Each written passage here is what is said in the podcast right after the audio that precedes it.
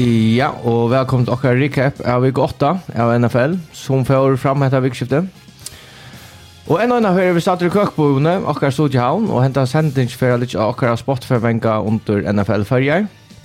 Eh, Øysene, vi er en endusendt høstdag klokkan 11 og leierdag klokkan 16 av Radio FO, og sendingen kan også finnes av heimasynet radio.fo.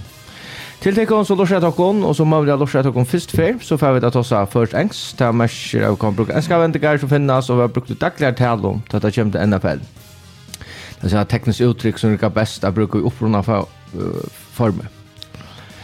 Og der er vi fyra mann studio til Arnar, Vannaby, Serfrøen Grønne og Aksel Borstor, og i det, og jeg er Peter Asbjørn og Peter Hansen, som er atterkommen ur London her, han er veldig hukket etter en dyste. Vel atterkommen til Potvart nummer 8.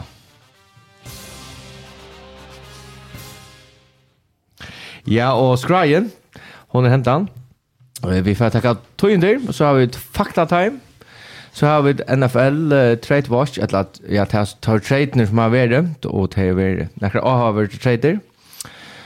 Og så kommer vi ikke å takke nekker dist, vi kommer å takke alle distner, og, tøy, og vi tar også sida om nesten alle distner för så så var det en par ranking. Vi är när och så får vi det gissa och hvis vi får tog till det så får vi kanske att uh, ja, Peter får ta och kunna jogga turen jag så här. Ja, ta må yes. ja. Han nu han är väl i uh, London. Vi tar var alla listan där uh, vi vill ju så att vi tar så störst schema så. Vi har kommit så så tar jag upp alla listan igen. Ja. og det er ikke så, ja, det er nekt tog inntil, men det meste vil vi trade. Kols har sagt så en uh, offensive coordinator opp, Mark Sprady, uh, at han har alt annet år.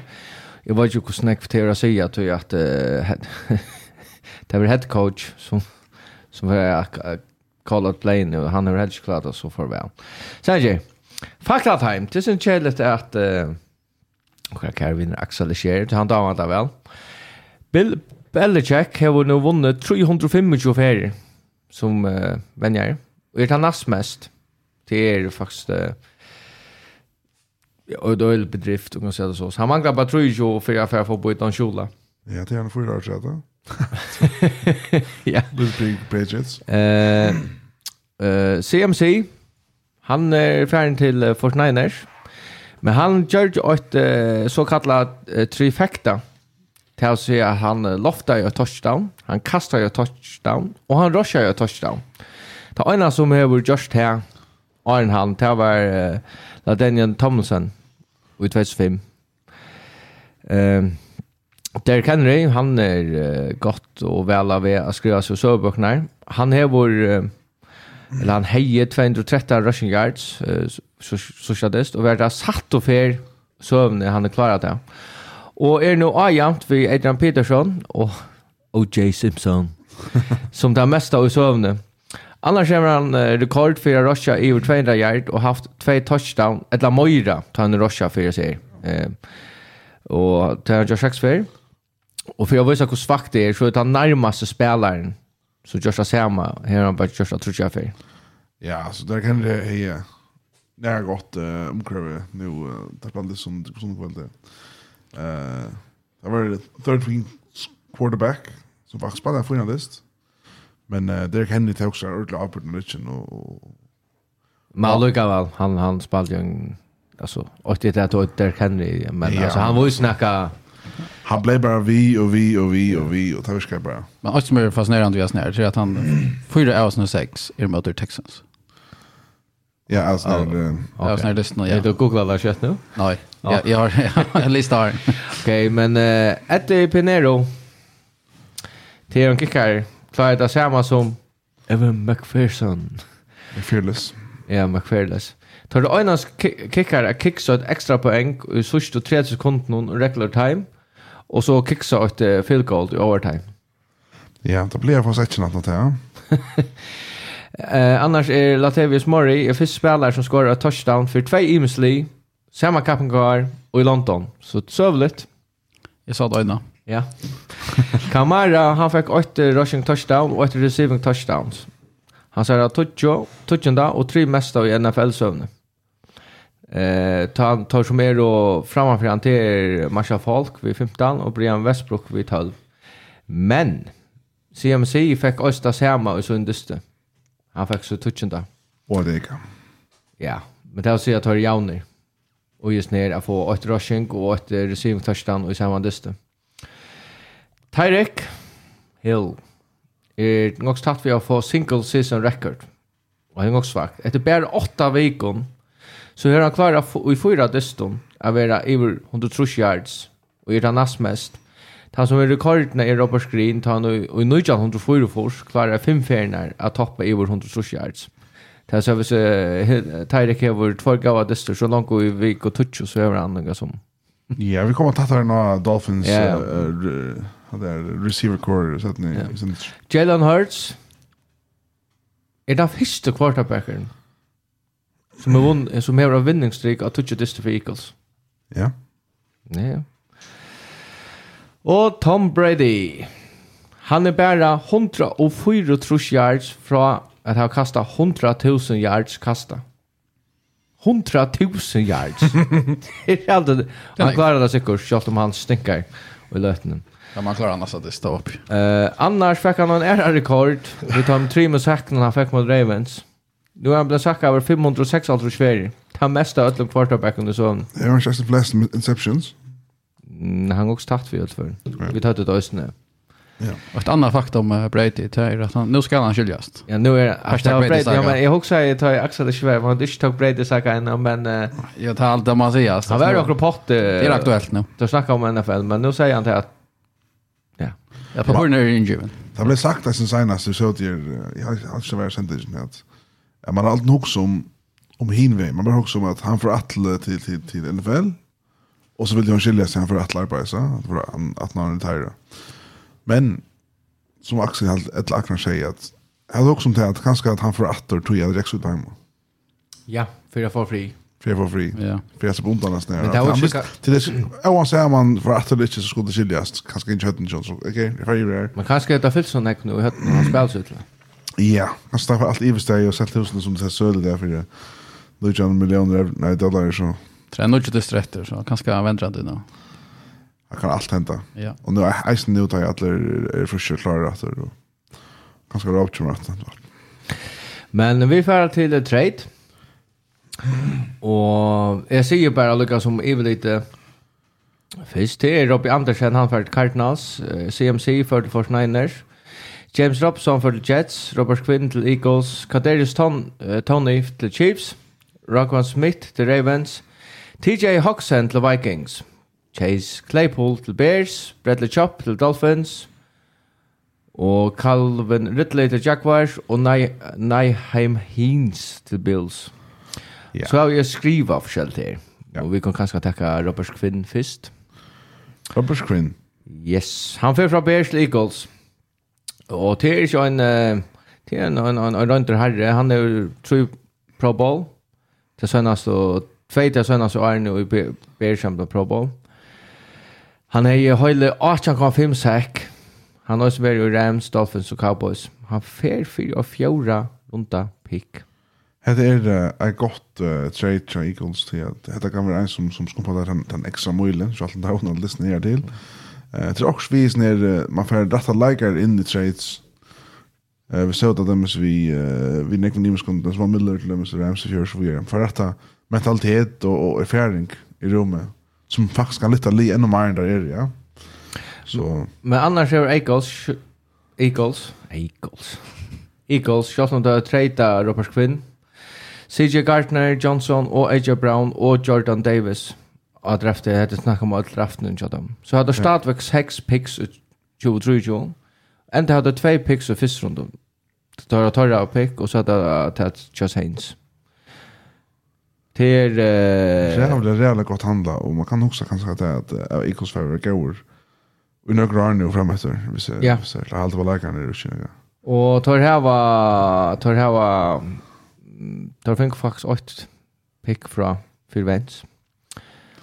Och tar fink och åt alltså tar första är tar fink och åt pick fra Saints i 23 och och ett annat runda väl och för och ett uh, ja tar brukt ett. Alltså tar tar öla väl fyra picks. Väl fyra och och budget caps har gått ut. Eh tar tar roster som helt är jävla Det här var en bäst centern och i och i i NFL. Eh och Ja, Jalen Hurts är snä. I väskan går det nu i West Side. Inte Brown kommer till Arsenal till timon så. Kan du erfara Alla vägen? Ja. Ja, det kunne det vel. Helst vi, helst vi att det finns ju det finns ju Robert Quinn att rätt. Ja, det hjälper sig ändå och som säger til vi vi har fått mentalitet mentalitet nu i chefsrummet så är det hatt hattar med som som som vill vinna och nu har det varit vi Bears alltså men men tackla in med Bears Corey Robert Quinn Eagles.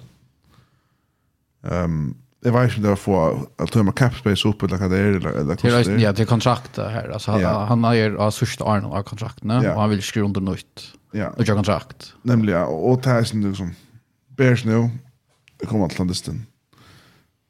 Få en ögon quarterback, attor och, och kanske Arden, Disten i vikskiften. Mm hemma i Svanta där förklarar några gör och tar bitcha mer upp till nästa år. Men så hänt det som hänt ja. Tack vare skorna. Så att Ja, og hvis vi skal få nästa trade. Kadarius Tony, Tony, han får fra Giants til Chiefs. Tar få uh, et uh, 20, 23, 6 round draft pick, og så uh, 20, 23, 3 round draft pick. Ja, jeg er litt på front office i i, i, i Kansas og Andy Reid. Om han skal uh, prekva neka, så skal det være under en god quarterback, which is nere som er Giants. Og skattebein nu akkurat natter, og så er det ikke vi han kan godt gjøre mån. Selv det her var en 12 receiver nu, men... Ja, en 12 receiver. Ja, det er fyra Titans vi eisne. Men, men jeg er akkurat for gjøre mån. Men hvor vil Chiefs ha den her? Eller hvor fæder du det som? Eh kanskje hinner som, som, som, som, som, som Jerry Judy, kanskje Odell Beckham og, og, og så gjerne. Kanskje og så døyre mån til. Men kan du spørs ta med han som ikke dreier Axel Kvira ja, Giants lettere affære? Ja, han var sin terror något senast, Axel, men, men, men det kan være at han har vært uh, Attityd trobläggare nästa skatter så gör det och tack så mycket. Men vi nästa eller vi rätta nästa skatter faktiskt. Och Giants också kanske tar sig bruk för den receiver. Röna kanske ska få picks. Det är bara sådana picks upp till att det så kanske att heter liv för onkra vi nu va. Det är det som man helt röst när vi får vi till nästa som vi ska ner till åter en bärspelare. Ja. Och så får vi till åter. Till Rogan Smith. Han får från Bears till Ravens. Och för det så får det ett annan runda pick och 15 runda pick och 23.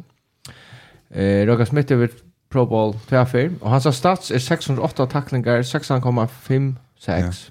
Shay yeah. interception, ein for fumbles. Det Ravens fær og faktisk ein fynan spelare. Ja, ja, men alltså altså, jeg halte bare at den Bears gjør nu nå, der samla upp till nästa år, til ja. Deshaun Watson ser ut som han bare spiller nu i vike 12, Och tar bygga upp till det, Arde, ja. Och, och men Ravens skulle vara i, i, i, i tredje vinter nå, og der skulle få sig en receiver, ja. Det har nok malet. Så ändrar vi honom, men Men uh, etter enda handelen så har Bers, eller heier Bers, nu ikke pikk, men så gjør det et trade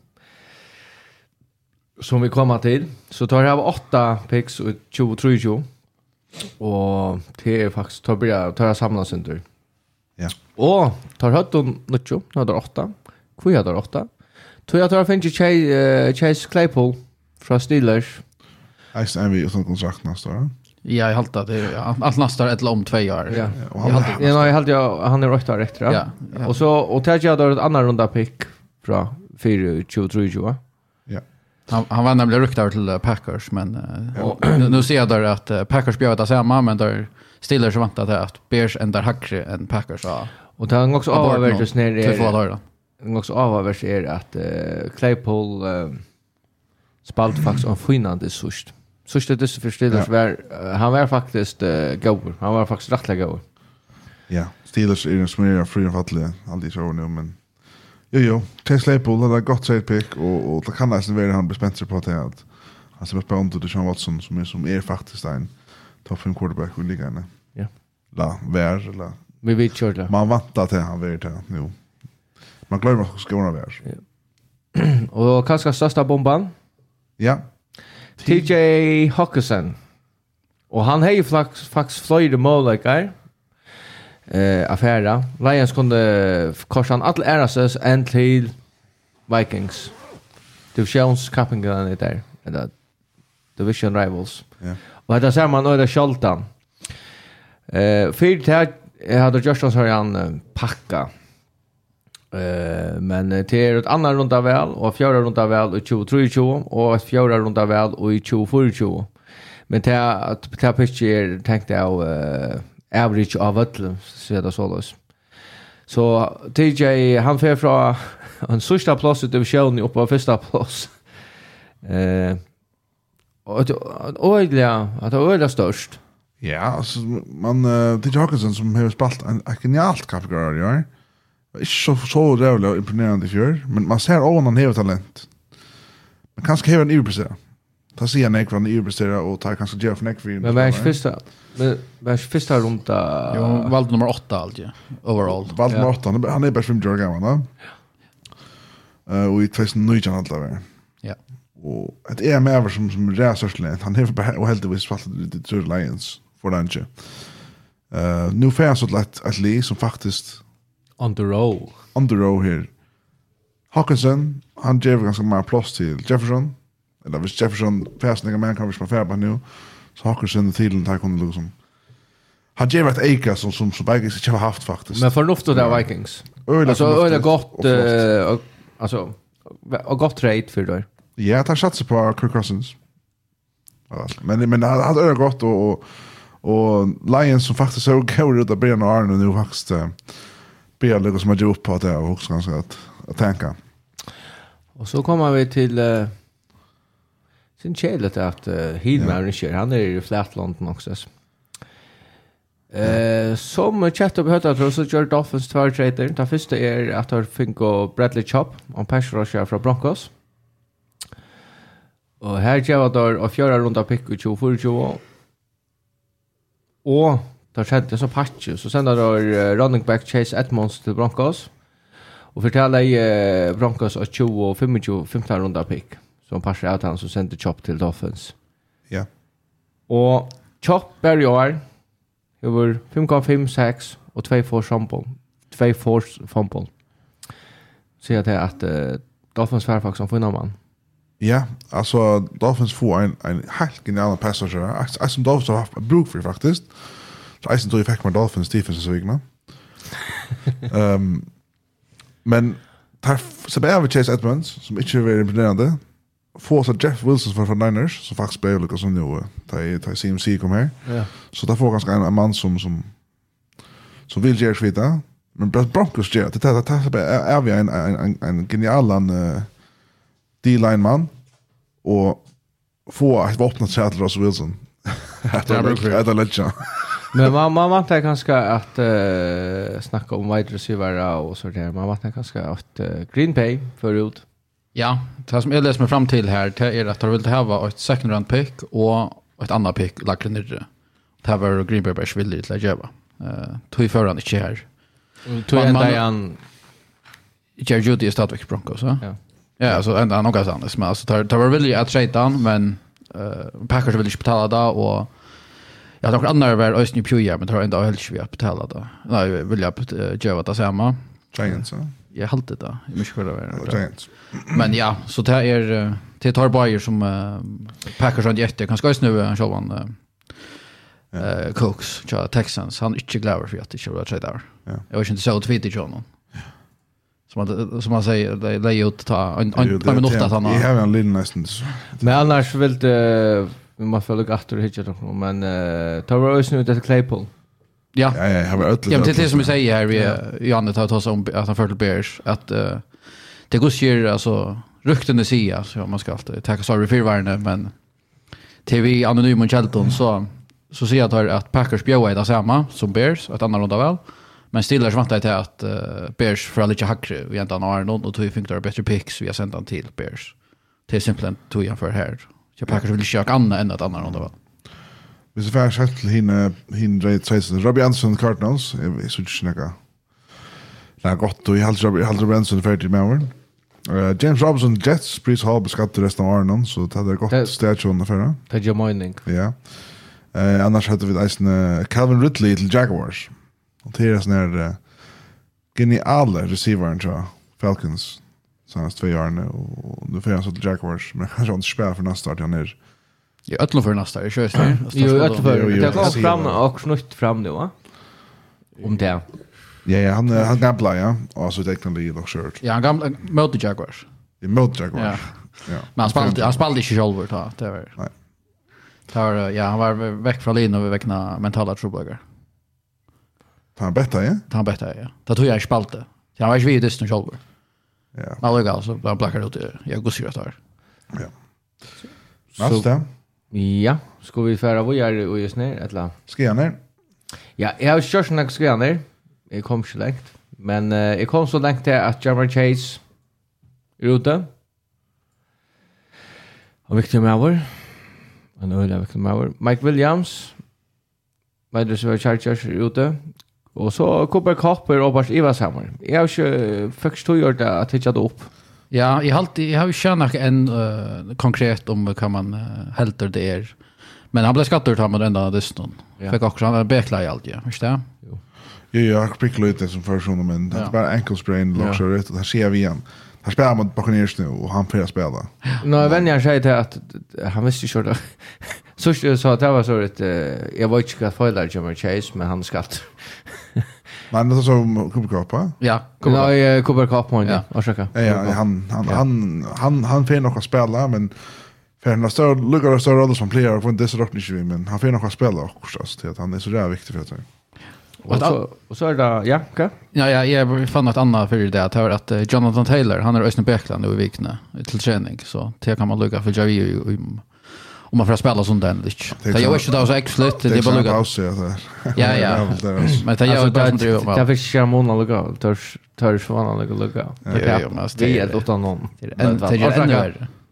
Annars är det Mike Williams Eisen till Chargers som är ute i förra veckor så vi är det. Jag ätlar för efter Jamar Chase kan nu så Jag kommer för en allt. Hvor er han? Kjømmer ikke jeg igjen. Ja. Annars skal jeg spille en kjømmer. Til færre tredje settene.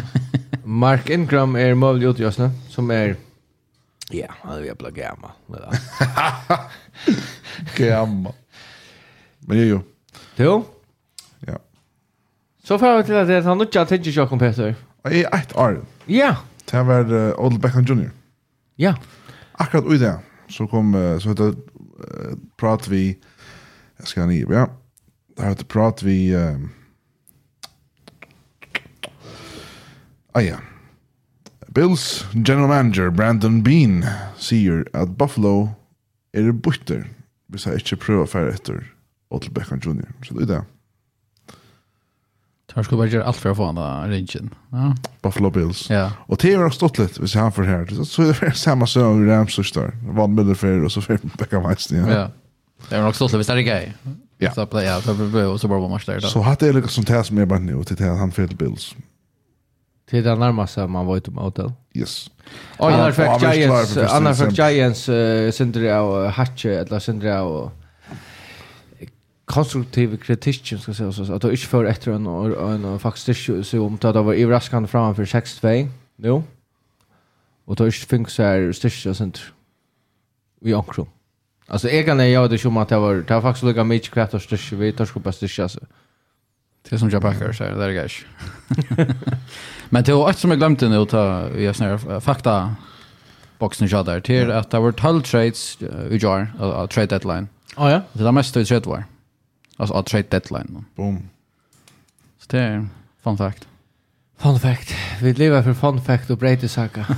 Ja, det är det. Det kan ska Odell för till Giants eisen, det är ganska här det. Det tog efter att vi Tony. Ja, det. You never know. Men. Nu får vi till uh, alla lyssnar i varandra. Ja. Og det første er uh, ett uh, velspillende Ravensly mot en minne. Alltså jag hade så jag välja verkar jag utköpa Buccaneers faktiskt i allt. Men uh, 22 vinner Ravens mot Ja, hva skal man si med det her? Uh, Buccaneers som, som faktisk hadde bruk for sin her, uh, sikkert noen, til Ravens eisene. Uh, møter så en Lamar Jackson som er vi på fylla formater. Han blir nok spekelig det men, men han klarer å styre linjen til seg og så sjåvån til ein sier 8-2, som du sier. Uh, Jackson, han enda det vi 22-4-38, og 240 yards passing og 2 touchdowns. Og træt, her Johnson rushing yards. Hvor jeg fyrir, 340 rushing yards. Um, Brady fikk ikke nekka på køyra, selv det skora 2 just i, og en annen fyrir saman sin frustrerende sylen. Men jeg må si at, at uh, defense kjør, kjør boks var, altså, at du tar ikke steppa opp, et mye passant så er det väl ja så er det väl så är det vunnet svunna Ja. Eller det er større måneder och och skor noen. Ja, det var snär cornerbacken som bakom Jamal Dean som spalte i en helt genialandist. Han lovade ett catch mot seg og kastet i, kastet i mot som många åtta för han får bolten vekk og så videre. så. Uh, men Shage og 22, Buccaneers tapar en affär och Ravens faktiskt uh, ganska igång till att uh, få åkst amatören ur den här. Men är det börjar det vara, börjar man att söka, kan säga, vojkastekn till Brady? Um, Skulle han bara givast? Nej. Inte mitt i år, mitt i inte mitt i år. Nej, nej, men han spelar, han spelar i en, en division vi Falcons och Saints och Panthers, så han släpper några playoffs, gör han? Men han så, alltså han är vår han har tänka så, så man tackar sig samman alltså. Ja, han har tänka lapp på Iron playoffs men han kommer här till det viktigaste sjön. Ja, men han är så Jim Randall kan ju. Han går stats alltså går det sist ja. Ja, han blir har gott då. Så Ja, det är inte skäl till sett här sista sjön och Ja, det ska jag inte svårt det hoppas. Ja, jag tar på helt kött att det är annars men de jag inte tar sin större stöj men då tar han för fra Patriots så Tina man då inte. Ravens får så första plats i AFC North alltså. Ja. Och det här gör hon vidare till nästa dysten, Ja. Det är nog Peter Hansen. Som uh, löjer och en jökning det første. Broncos, Jaguars, Angel Sejan. Ja, tack jag det stör helt det. Har öljande kan man säga alltså run game rika i något sånt. Såst det. Jag var satt. Nej. Jo, det var öliga gott. Det är för er jag vem play, men det måste säga Tottenham är det allra bästa stadion hit ju. Hit jätteste, men uh, ja, vi såg det så tatt vid i en endzone. Eh och Disney blir så løs at uh, Jack Warsh tar blir av best, særlig defense. Jeg alltid først og kvart fem placene, ta mont, uh, først mont i han selv hvor uh, Wilson haft en interception, og så kom han sak, og så var Øysten i et interception, og det var alt på fem, femte første playsene her. Uh, det ut som at Åløye, uh, Jack Warsh, og run game tja Jaguars rikka i Østen Ulla vel, vi sendte et, uh, han sjå Travis et igjen. Uh, Men så började ju Wilson att spela bättre ta sånt ja mitt i 17 nej i second quarter. Och han själv Latavius Murray började ösna renna rätt väl. Och defense tja tja Jaguars som tar såna av sin tur. Det tar lova och Broncos neck for neck. Helt inte att Broncos spelade så imponerande. Här var det helt Jaguars som hette där alltså ta bättre flow men tar gjort de flöjde kritiska kritik alltså för ekvisliga fejler av viktiga downs, a, a third down, och så blev Wills, Wills over Lawrence Sackauer och han kastar interception ta först i uh, second quarter uh, in i end zone ja Broncos kan det komma i åtta första noll uh, pura det för jävligt. Ja, vi håller sig vara han Schaefer 12 för 200 yards och interception. Ja. Så det är alltså men ja, alltså jag helt att Broncos var inte imponerande så jag var inte ordentligt man kan säga att Jaguars som tappade distan ett la eller kvärt att tar var det bättre men tar gjort bara för några filer utom viktiga downs helt det och ta ja ta gå sig första mer av stadion så jag skulle se så då av Sjövarsman Man sa faktiskt att, att Russell Wilson spelade väl, men att statistiken spelade inte så väl. Nej, det, det, det förnämmar man helt av Vettlund, att han spelade så rävliga väl. Alltså, det, inte, inte illa, det är helt det bästa distrikten Charles Wilson och i Broncos, helt det. Ja, nämligen. Och, men vi är helt så att, att Jaguars, alltså, skuffande att här, inte vinner det snart. Det var så vanligt, för vanligt i Lee som Broncos men det helt just inte det är helt vi Jaguars och Dustin men det är bara det man ska bara välja en ett leja alla vi Görs man det? Det är i allt det just det är så touchdown rört ett satt ju Nej, det har varit jävligt en Broncos fan. Men ösn ösn för Jaguars men jag hade evil blodan av Broncos. Men det är just det är så klart att man sätter tror Huawei och Boar vi först. Ja. Det gör det. Men Ojar när vi satt så på att Jaguars ska bli ett Europa League. Det har en stark fanbase och i Och i Europa, men det kan jag säga att Europa så sent jeg vanlig. Och som allt av så vanlig. Orsaka. Men uh, sen när Jack vart fan här ute men orsaka. Men uh, man skiljer han Gerta till att uh, törs som spelar i London tar få alla biljettintäkterna. Alltså lige färdigt här och i mån till att spela i USA så får det bara 30%. Inne fjärde för i Napoleon, som är dold ut låt Lina. Så ta 64.000 färra stadion hit ett Jaguars och han fär alla tar biljetten töknar in. Ta Kilman väl, men han gör det. Och när förmar. Ta han fär att 40.000 i Jacksonville. Ja. Ta vi se. Men uh, allt om pengar i NFL. Ja, det är öde allt för öde neck om pengar i NFL. Men ja. uh, hvis vi får nästa artist som är uh, overtime Falcons, och, Panthers. Och vi kunde så, överskriften må så alltså absolut värda. Ja, Panthers tappade den dist. Helt det? Ja. Bara det där uh, field goal måste. Men det Nej, men det är ju snö till det. Ja. var två. Ja, extra. Ja, extra. Ja, extra, men men att här var uh, alltså PJ Walker 316 yards, säger han. Och touchdown, och yeah. interceptions. Come on, alltså. Falcons, Marcus Mariota, 283, 3 touchdown, 2 interceptions. Nej, till mig att jag tar Algeron enten är så sjukur. Ja. Enten av støsten är för sjukur. Walker i Vrhala, Mariota, at bare er sånn hele Amerikasen dit dit. i fjärde yards. Och distren, Arden, fourth quarter, var det deficit distren. Ja. Yeah var rævla jaunor och det så det var 1-13 till till Falcons eh uh, til det kom ut för fjärde fjørgårdet da. Så hentes tingen i fourth quarter och det, alltså det var inte skilla och det rævla, rævla stått lite etter. Man sa att det er bare linje ikke er skila god. Det er bare, jeg så nevan og borg, altså. Men Mars 28 är faktiskt funnastle. Han är faktiskt uh, i raskande. Gauber. Litt bättre än man kan vanta, ja, for å være. Han är faktiskt alltså har det något gott rafta och i fantasy hvis du kör man så fullständigt så revne men alltså han får ju uh, han får ju nur alltså han är öliga stabil alltså ja. Det man kan ta lyssna till det att DJ Moore rattorn han uh, ser ut till att uh, nu ska han ordentligt kämpa för showen och för en kontrakt. Uh, Kyle Pitts, han spelar en god desatter först för år. God av lov. Och till vatta formen är en fin running back. Utan han teker i fyra. Christian McCaffrey. Men, uh, han släpper av skoina. Men det gör då, det hade faktiskt... Uh, Panthers brukar faktiskt löjliga att ha en gameplay som tar här och sett upp till uh, CMC. Ja. Ja, det här var det. Det det är också med en playbook. Björn Arnold, så så det då allt det riktigt det mitt i hjärnan. Men jag hade det oförgävligt att ta förra och Jen Hail Mary och han loftar och allt extasia och så får för få där. Fortsätt fortsätt väl. 15 yards penalty för taunting. Och det var då nice för taunting. Han sportsman där kontakt. Han fick hjälmen av i Japan och tillslå. För?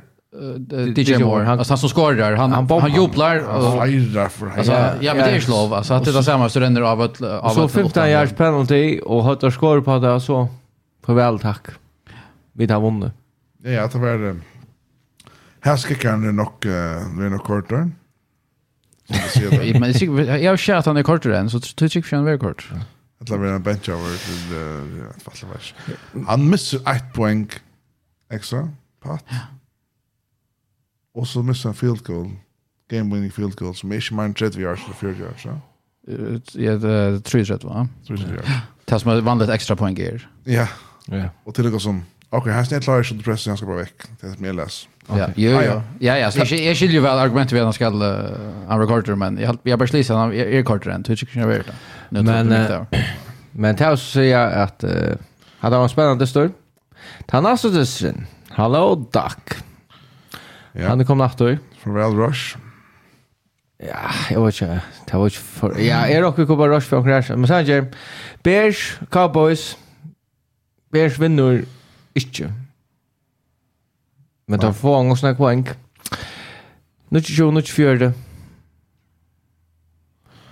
Ja, altså, det distrikt er bare fullstendig urgrevint. Cowboys er framfor 8 og 6 og i second quarter, og, og, og, og det burde faktisk fra om uh, fem till shape av VM men men Dak Prescott satt kassan Inception som som jet had Bears få ett touchdown och så är där vi att vi håller att han lägger en 8 säger han vad det är. Ehm så vi är det 8 tror jag och man också bara okej. Okay, Dak Prescott här hade inte gått. Men så blir jag välja att spela. Så lätta för alla men minne pressa tär och ta skorar vad nu går allt. Och Tannen Pollard han färger ett, ett extra gear. Ångstes. Jag vet inte kan finna det och det är till han till spalten mot den så vikna men men uh, Sick Elliot stod och såg ner och heppade på honom och ta ta Gerard Sinter så. Det är så det var ett ett ett fullständigt Uh, stövan Lloyd Sinter på dessen ranns ut men uh, Michael Parsons och Verian hade avgjort distan Sjalt om Dak Prescott på den graden. Ja, og her var også også, så stannar Petter Stövna här Michael Parsons eller Mia Parsons Färbolten och en en Broncos en Bears-spiller hoppar på man. Ja, det är quarterbacken, det är inte för gott annars är vi där i kontakt. Ja. Är det? Så och så renner så så renner han bare inn. Ja. Hoppar på man. Ja, de matar en 4 cm från foten och utsen John. Ja, bara bara läs hoppa av han eller sånt. Ja, ja, så kan man nästan kalla och för jävla. Kan man inte ner man alltså så är det inte där på kontakt. Vi syns ju att det är så lustigt, vi syns ju att alltså mot för hitta till ju att eh person rör sig upp och så hyckrar han eller något som också fan är rört. Och så får han renna och gröna stopp på honom men det var så att stanna på hitchet tror honom. Ja, nej alltså hinner Lifeland så ser jag igen. Du kör, du kör, du kör, du upp där skoppa bara och gör det. Och så ser jag kom där en... någon Är det rørt och så måste ikke, och då står jag at domaren er check han stöter han stöter. Man ska spela till till flöjtna flöjtan i Joa. Till att samma ta en quarterback kasta bollen alltså tar han upp skottet du helt rätt i det forward pass. Det kan alltid vara. Ja. Och så för nästa Dolphins Lions. Oh, Dogs Lions nu. Eh, ja. Eh, Toa. Han eh, han kom nattor og och han eh, han testar ut som han eh, vad säger gärna han är, han är rysta av sig. Ja, Toa lova då får jag med han först. Uh... Vi borde kanske ha skont och synter vi att vi ska höra det långt. Nej, det var inte. Nej, nej, vi tar gott egentligen. Visst ja? så live sända ut en timme, men tira för något Spotify och radio.med för hemma synne. sinne. Ja, show där, show där. Det är viktigt det som är först. Ja, ja, ja. Miami Dolphins vinner det sen Angel J. Jones, som säger. Snacka om det show. Men tog tackar lova. Han är, för jag vet alltså, han är helt extremt go quarterback. Sitt under Sett var. Han kastar 22 av 36. 302 for yards og 3 touchdowns. Ja. Men det som er så, så, så svaklig, det er Tark Hill i han. Hvor så viktig han er for Miami nu, altså. Ja. Han får øl ofta tværmanns av seg. Og da han får tværmanns av seg, så får Jalen Waddle bolten øl ofta. Og i sin distan her, så har Lions et ordentlig som sier struktur i det. Vi skulle alltid ha två män och hill. Jag lyckar för hill öniga yards. Men Waddle spelar en fram ur Alltså Hill fick kontra och 8 för yards medan Waddle fick kontra 6 så tar det är och halvt 1500 yeah. och ett landa yards och jag hade Hill över över 2000 yards. Och yeah. vi där vi går 8. Ja, det var jag faktiskt över Hill resten ja, men men Waddle fick det viktiga ja så det. Men annars Du röst såna men Jerry Goff är faktiskt han är faktiskt i 300 yards.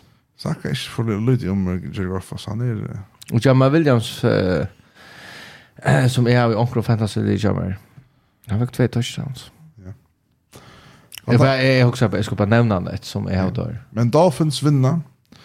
Eh, uh, tar är inte tekniskt eller lika väl. Ordentligt än.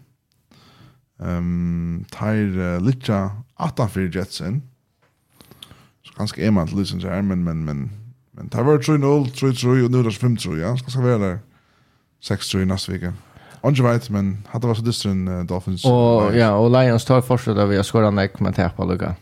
Ja. Cardinals, Vikings, och man kan säga Vikings tar kvar bara hett. 6-2, och 4-3. Ja, Vikings uh, vinner dysten här. Um, i möter en om Cardinals Lee som faktiskt sitter öle en neckpins utan att göra det i början att de han sig halvt tillsammans men med sannolikheten till att Cardinals tappar det han skulle vinna det snär det menar öra stärsk och Vegas Lee det jauner eh och lite attast och i sin NFC West här som Rams för den så ser jag ja. Så Cardinals må få någon vinst av bordet. Själva störet för att komma nära chans att komma playoffs. Vikings här som møter är 6-1 til Senior Division, så det er utla færre mot playoffs. Han finner TJ Hawkinson, Och jag har vært vel fungerende i kjølt om Kirk Cousins. Ikke på finner til race han borde finner Men vi, vi sätter to som som fyra, men... Men Kyle Murray spelar faktiskt som finlandist. Kyle Murray? Altså, han, han... Uh, han, han var, att det er så synd han är mest rushing yards för Cardinals. Ja, ja, men han blev säker över en tvärförnär som inte skulle av Sedarius Smith. Eh, kan man ju att han som inte vill räcka över loftet till han så är det skjuter och kvicker och sånt så att han så den bara veck och så finner han bättre och men han blir säker av tvärför det och det är inte gott. Tar man över till som fysikken som han hever. för men uh, vi är vid ner dessa skön här. Ja. Så kan det långt också avrådas till Raiders.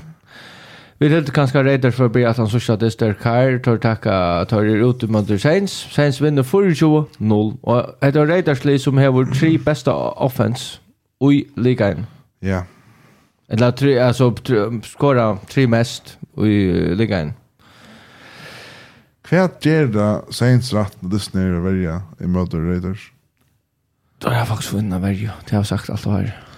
Ja, men kan jag Men men hinner har också gått all upp som du säger. Ja. Schalt bara under för det men. Ja. Alla gal. Och sen själv var uh, Makan Jamar. Det var inte Adams. Han uh, han är bara ett catch allt ju och två run eller vad det är. Ja, och Jacob som är finns ju det plus de att lyssna jag fick fem steg av lyssna. Ja, jag jag quarterbacken jag där man Carr till min fantasy effekt. Men jag två steg. Det är ju också. Jag kommer för ju och inte en ligan. Ja. Så det har helt helt eländigt. Och att han ene distra skulle igen för det. Ja, passar. Och jag ösen CMC kvar den bunchen. Läsa skoft där. Okej. Charger. Vanligt. Och ta ett annat lägga till kindigen. För ju noll saints till är det eventing helt kött saints på en pedasbjörn. Är det eventing för ju art och saints ett lag. Komma dit i playoff. Det står Sverige. Eh alltså en eventing tar vad inte. Jag kan vad det att det är stadväck Jag kan gå för att Dalton är ordla. Kommen uh, finns ju gång då ju Liz Playbox när han ger han en rätt och det snom. Det är ofta han har missat så kost och missar han miss roter som en också ingrepp och för chains. Och gå playoff.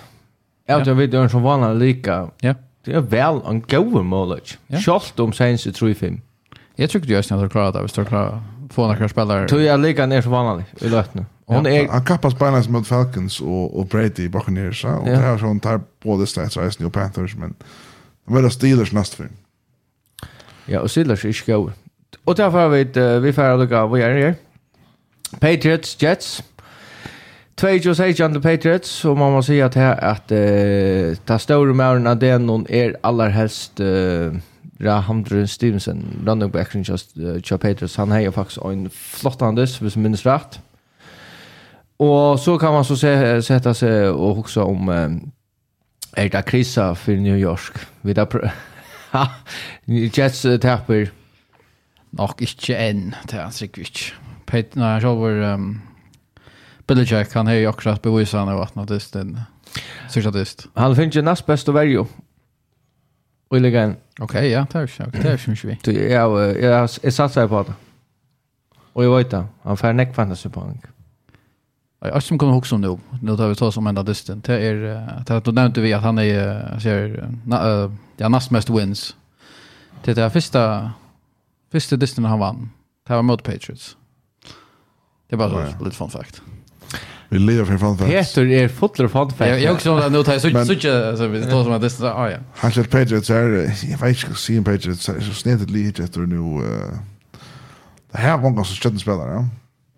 Spelare ordentligt vet heter han som Little Lee och, och här bara liksom du Kjell kan man vi? Ja, jo, jo. Allt lill här var en lucka som jag tvär som ordat vet. Känns bara när pitch här bara. Hej, hej, det har Bill Belichick. Så tar han gång inte så klar höjda quarterback-position. Nej, här är det, ja. Kaos. Men jag hoppas Jets vinner this nu. Hvor gjør det just? Jeg vet ikke. Men da var så vel det der cornerback som spalte og så videre. Som Eisen Lars Vendes nu. Men skal jeg til Breeze Hall, jävligt att man och man kan vara vän där som Jets fan att att James Robinson för att göra en mån nu kommande veckorna. Ja, men där har oss faktiskt en Michael Carter som är slash tanringas. Nej, nej, men, men Carter är så skrev för att han han må Men det har gått som att Tyler Coughlin uh, tight end chatta om det kommer natt han är vid borstur lunch eller borstur, han är inte leverera. Ja. Det är för något sagt. Ja, vad gör du? Ja. Eh Pickett Pickettle Pickens, net alt. Steelers uh, mot Eagles og Eagles halvar Steelers ja. 13-35. Ja, det er bare... Og Eagles er 6-0. Walkover til Eagles her, Steelers er i reale forme, og folk, Steelers fans er så ytterligere nå at de har valgt Pickett i første runde. De kunne ha sånne gode spillere som fyrer fire og valgt Pickett i tre runde siden der. Og, ja. Så 24 år gamle rookie ur... Uh, och lorsta college eller vad det är det ser att det är ordentligt lite han nu och till det synd ju men Tar kalla han inte för lorsta college han college var i Pittsburgh. Nej nej men alltså i mån till är. Ja jag vet vad du menar vi. Jag likar det så gör ja. är sig imponera jag honom och lycka väl så. Walkover. Walkover och tar sig 0 tar för kanske 8-0 i nästa vecka. Ja 8-0 eller 9-0 eller ösnen möjliga kanske. Det är 6-0. Nej, det ja, det vet jag inte. Men uh, Titans mot Texans, Titans uh, en plexseger för Titans mot uh, Texans. Eh här där kan det vara uh, beast. Ja. Eh, säg han tog jag var ju så några om han. Texans tar 8-5-8. Ja, Texans, så snäck om Texans, alltså där Angel Lager som är där som är lugnt av vidare och Det är samma problem att nu så blir jag komma åter men men men Titans uh, här som motor hade jag en är det quarterbacken? Tannehill. Ryan. Nej nej nej han ska tro Ja. Ja Malik Willis. Malik Willis. Och och han gav bollen till Brad Henderson då så ju han kastar bara touch för när Ja Men eh till men Henry han är till det var ju viktigt det han går en running back. Men så får vi till ett lag som är hos nu man nästan ett år nu med att Commanders eller Commanders för möter uh, Colts. Ja. Och en förfärliga Colts liv så akkurat som det är. Ja, så. Men uh, Tyler Hennigan, han är börjar att, uh, ja. Alltså, Tyler Hennigan, han lyssnar här. Man, man, han spalt inte en suveränadist. Nej, no, men han spalt Han spalt i motor en uh, Sam Ellinger. Så sa man, okej, okay, för hästarna. Ta som bara snävar trossa med fjärde i snätt nu. Jag accelererar så sagt, det var vi och då gillar det. Men... Alltså, han, han kan ska lustar och dörla. Ja, Tyler Heinrich är spalsen en så grandist. Men man sa bara hur så viktigt det är att vara för att vinna. Och i det nu. Kan han jubla och kvar för det där startet. Och för Sky som ordet var han var där fokuserad på det. Och han fick faktiskt Tony Gibson. Attor, han spalta hundan till sen sista. Ja. Ehm um, uh, McLaurin spelar Iceland Gondist. Ehm Henrik er tror jag kast för uh, 1-2 och 2-4 yard touchdown och ett interception som Jim Dillis någon. Och han är den leading rusher av Washington Lennon. Vi nu yards och en touchdown 6 carries. Att han grips med mer en receiver just det ja. Men men uh, inte kan se vad det är som så Colts är fri falle, John Taylor ska nu. Här helt galet. Um, Jag känner jo en Karls-fan. Vi borde kanske finna finna han in där. Han säger största i Russia så Karls. Største skuffelse, Karls. jag vet inte, jag är rock vid åttor, lorser vi, men alltså, ja, ja, vi borde finna finna han in där. Så jeg kunde lukke som, jag vet ikke, fra klagen sin om Karls og støvne her. Ja, det er. Men uh, 49ers, Rams. Ja. 49ers. Jeg, jeg vil sagt, att knusar Rams. Øyndrud fyrsta. Ja, ja det känner han. Han öjer Sean McWay. Så han blev vi av vinna med honom. Och CMC. Kan man säga att, att ta ett... han, han är väl... Jag badnar inte. Han sätter... Tar komatter och känner man. Tar det kan få Och trifecta. Trifecta. Ja, alltså. Hetta fortnightly blev knappliga. Hålla kan man. Ett NFC Championship League. Bara av en sätt. Och Garoppolo. Han kan vara Matthew Stafford som är fjärde alltså. Inte den bästa quarterback i världen. Inte den vanligaste. Han är mitt i mitten. Ja, som har en running back som Dora gör. Som Ryan Tannehill i fjol alltså. Ja, ja. Och han har han har han har sitt offense, han har fint defense nästan. Ehm, um, gott defense faktiskt och Tack upp så vi vi Rams som den vunnit med och Seahawks och hur snägg olja Seahawks är väl om det kunde bli vivis när Steeman ner, det vet man inte. Men, men för, för Niners, helt är gott av dem och det kunde faktiskt uh, komma real långt göra. Ja, og vi får Giants uh, Seahawks. Um, kjøtt så var Gino Smith finner till uh, utskriften faktisk. Han, han spalte en. Uh, Bergen spalte godt til Seahawks. Uh, ja. Värjan ser gott ut. Det är Pete Carroll till det viskar och Gene Smith ser ut att vara en, en fantastisk quarterback. Jag, jag, jag, vill, jag vill komma till här och säga att Gene Smith är faktiskt god. Han är bättre än Russell Wilson. Ja. Yes. Ja, alltså jag ser ju han fantastiskt god. Jag ser bara att han, han, han börjar att visa mer och mer att kvui kvui Pete Carroll valt han fram om ja. Russell Wilson. Och så topp touch. Ja, det är ju att han är fantastisk grann. Jag spelar bara alltså. Han spelar fint. Jag att för alltså nu måste man fylla den här fällan några Nu är ju störst där ju i which kan han tror för Men ta han inte det bästa och och ta bäst omdöme. Nej, Så det det är så att ut att som jag kan komma åter. Det är bara två män som har hacker pass rating i Gina Smith gör och det är två att ta Tagaloa och Patrick Holmes. Okej, det var sällskap. Ha? Det visste jag. Ja, och det är ju alla bara att ta vidare. Alla lunch nummer 8. Och Jalen Hurts. Joe Burrow och så vidare. Ja. Så ja, han lunch nummer 1, ja, men han är vanlig sist Ja. Men lägger väl. Gino Smith, han han han gott kvar vidare och Och han är så funtlig. Eller han är Kenneth Walker så ut la bara en en ordentlig Marshall Lynch alltså kanske Gino Smith och Walker är Lynch. Ja, ja. Russell Lynch. Och då han har funnit receiver korps. Jag kan ja. Eh Packers, Bills, Här packar Shepard, Sejan, Shejo, Mobils. Ja, det var vanta. Det var uh, tar uh, bookmakern vanta att tappade vi 12 alltid där var ett lån halvon som vill säga 12. Så då klarar jag sig att täcka det. Vi ska se. Winning. Vi ska se på det på det.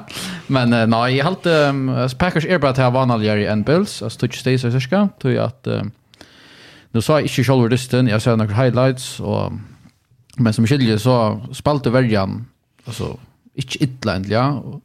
Running, running game med rikkeie, men till er som vi kjørte klarar följa vi, och verjan så det helt ikke ordentlig noe men shots man han heier nøkker place så uh, Josh Allen heier nu två interception, eller vad det var.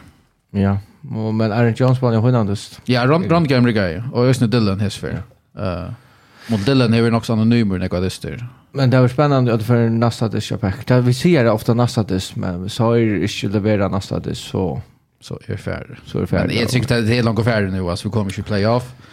Men det är ja. Så färdig vi till uh, hoppar till socialism. Bengals, Browns. Ja. Jag åkte snön och nu har han Åkte du till snön? Ja. Ja, ja, ja. Och Det var inte Joe Barry var så lite sådana. Jamar Chase och skattor. Ja. Så det var sån chilligt men men men men Men hvis du minnes i fjør at Joe Burrow, han var sikker rævlig ofte. 13 fjør. Ja, alle tøyner. Og jeg undest. Ja. Det er ikke sånn jeg brøtt fra i fjør. Ok. Du spiller mot en Browns lige som har liksom 12 ringaste uh, pressure rate i NFL. Og kom inn i Disney, da.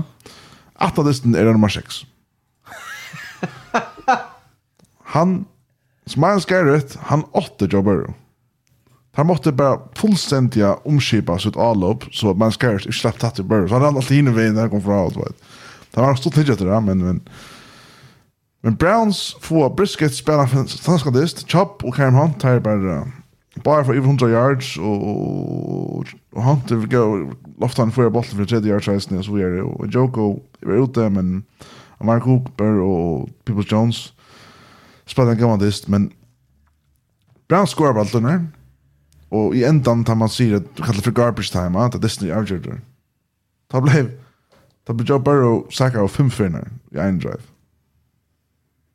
Att tar en man tror jag för man ska göra det. Så ofta blir så hur så ofta blir det för nek. Hur ofta blir han sackar? Ja, det är åtta för alltid. Så vi nämnde när Carson Brady tog og gör. Nei, nå, Disney tar vi kjøtt så teker teker han nu Gerardia, alltså rekordene. Og var mest sack. Ja. Man skulle tro att, att det här var så öret att det spelar så mycket Rushing og der brukar med John Mixon mer. Men John Mixon er ordentlig fallen ja. Så ikke si det. Nei, jeg, nei, det man skal du skal ikke tre hvis du får bjóa tre der ute. Få bjóa Mixon, se bare nei. Men nu får vi til en power ranking. Og til er Arner, så er det spennende om han räcker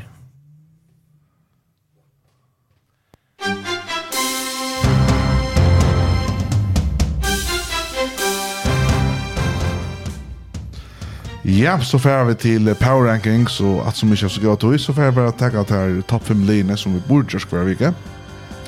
Nummer 1 blir vi häsa för som nyheter. Det är ganska mer underhållande än nummer 4 5. Det är Buffalo Bills. Stefan Dix har utlagt vara bästa wide receiver i utdeltene. og han får bare det li här till att så ut att vara et 100% Super contender. Nummer 2 er faktisk Philadelphia Eagles. 3-0, og det här budget så ska jag se linjen nesten.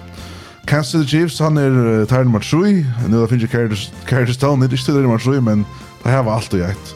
det er det særlig. Nummer 4 er Dallas Cowboys, Dak Prescott er atter, og tar så ikke ut til å være et øyre, øyre, godt på til et NFC Championship League. Nummer 5, kanskje det mest i røskende, i rom hine, Ravens, Vikings, Titans, Seahawks, Atlas Alien, Hunter og Giants, til San Francisco, 49ers. CMC, Debo Samuel og ikke minst Jimmy Garoppolo ferdig li her til å være et av hine kontenterne i NFC å vinne championship og komme Super Bowl. Og ja. år. Det var løse det her, det vant vi.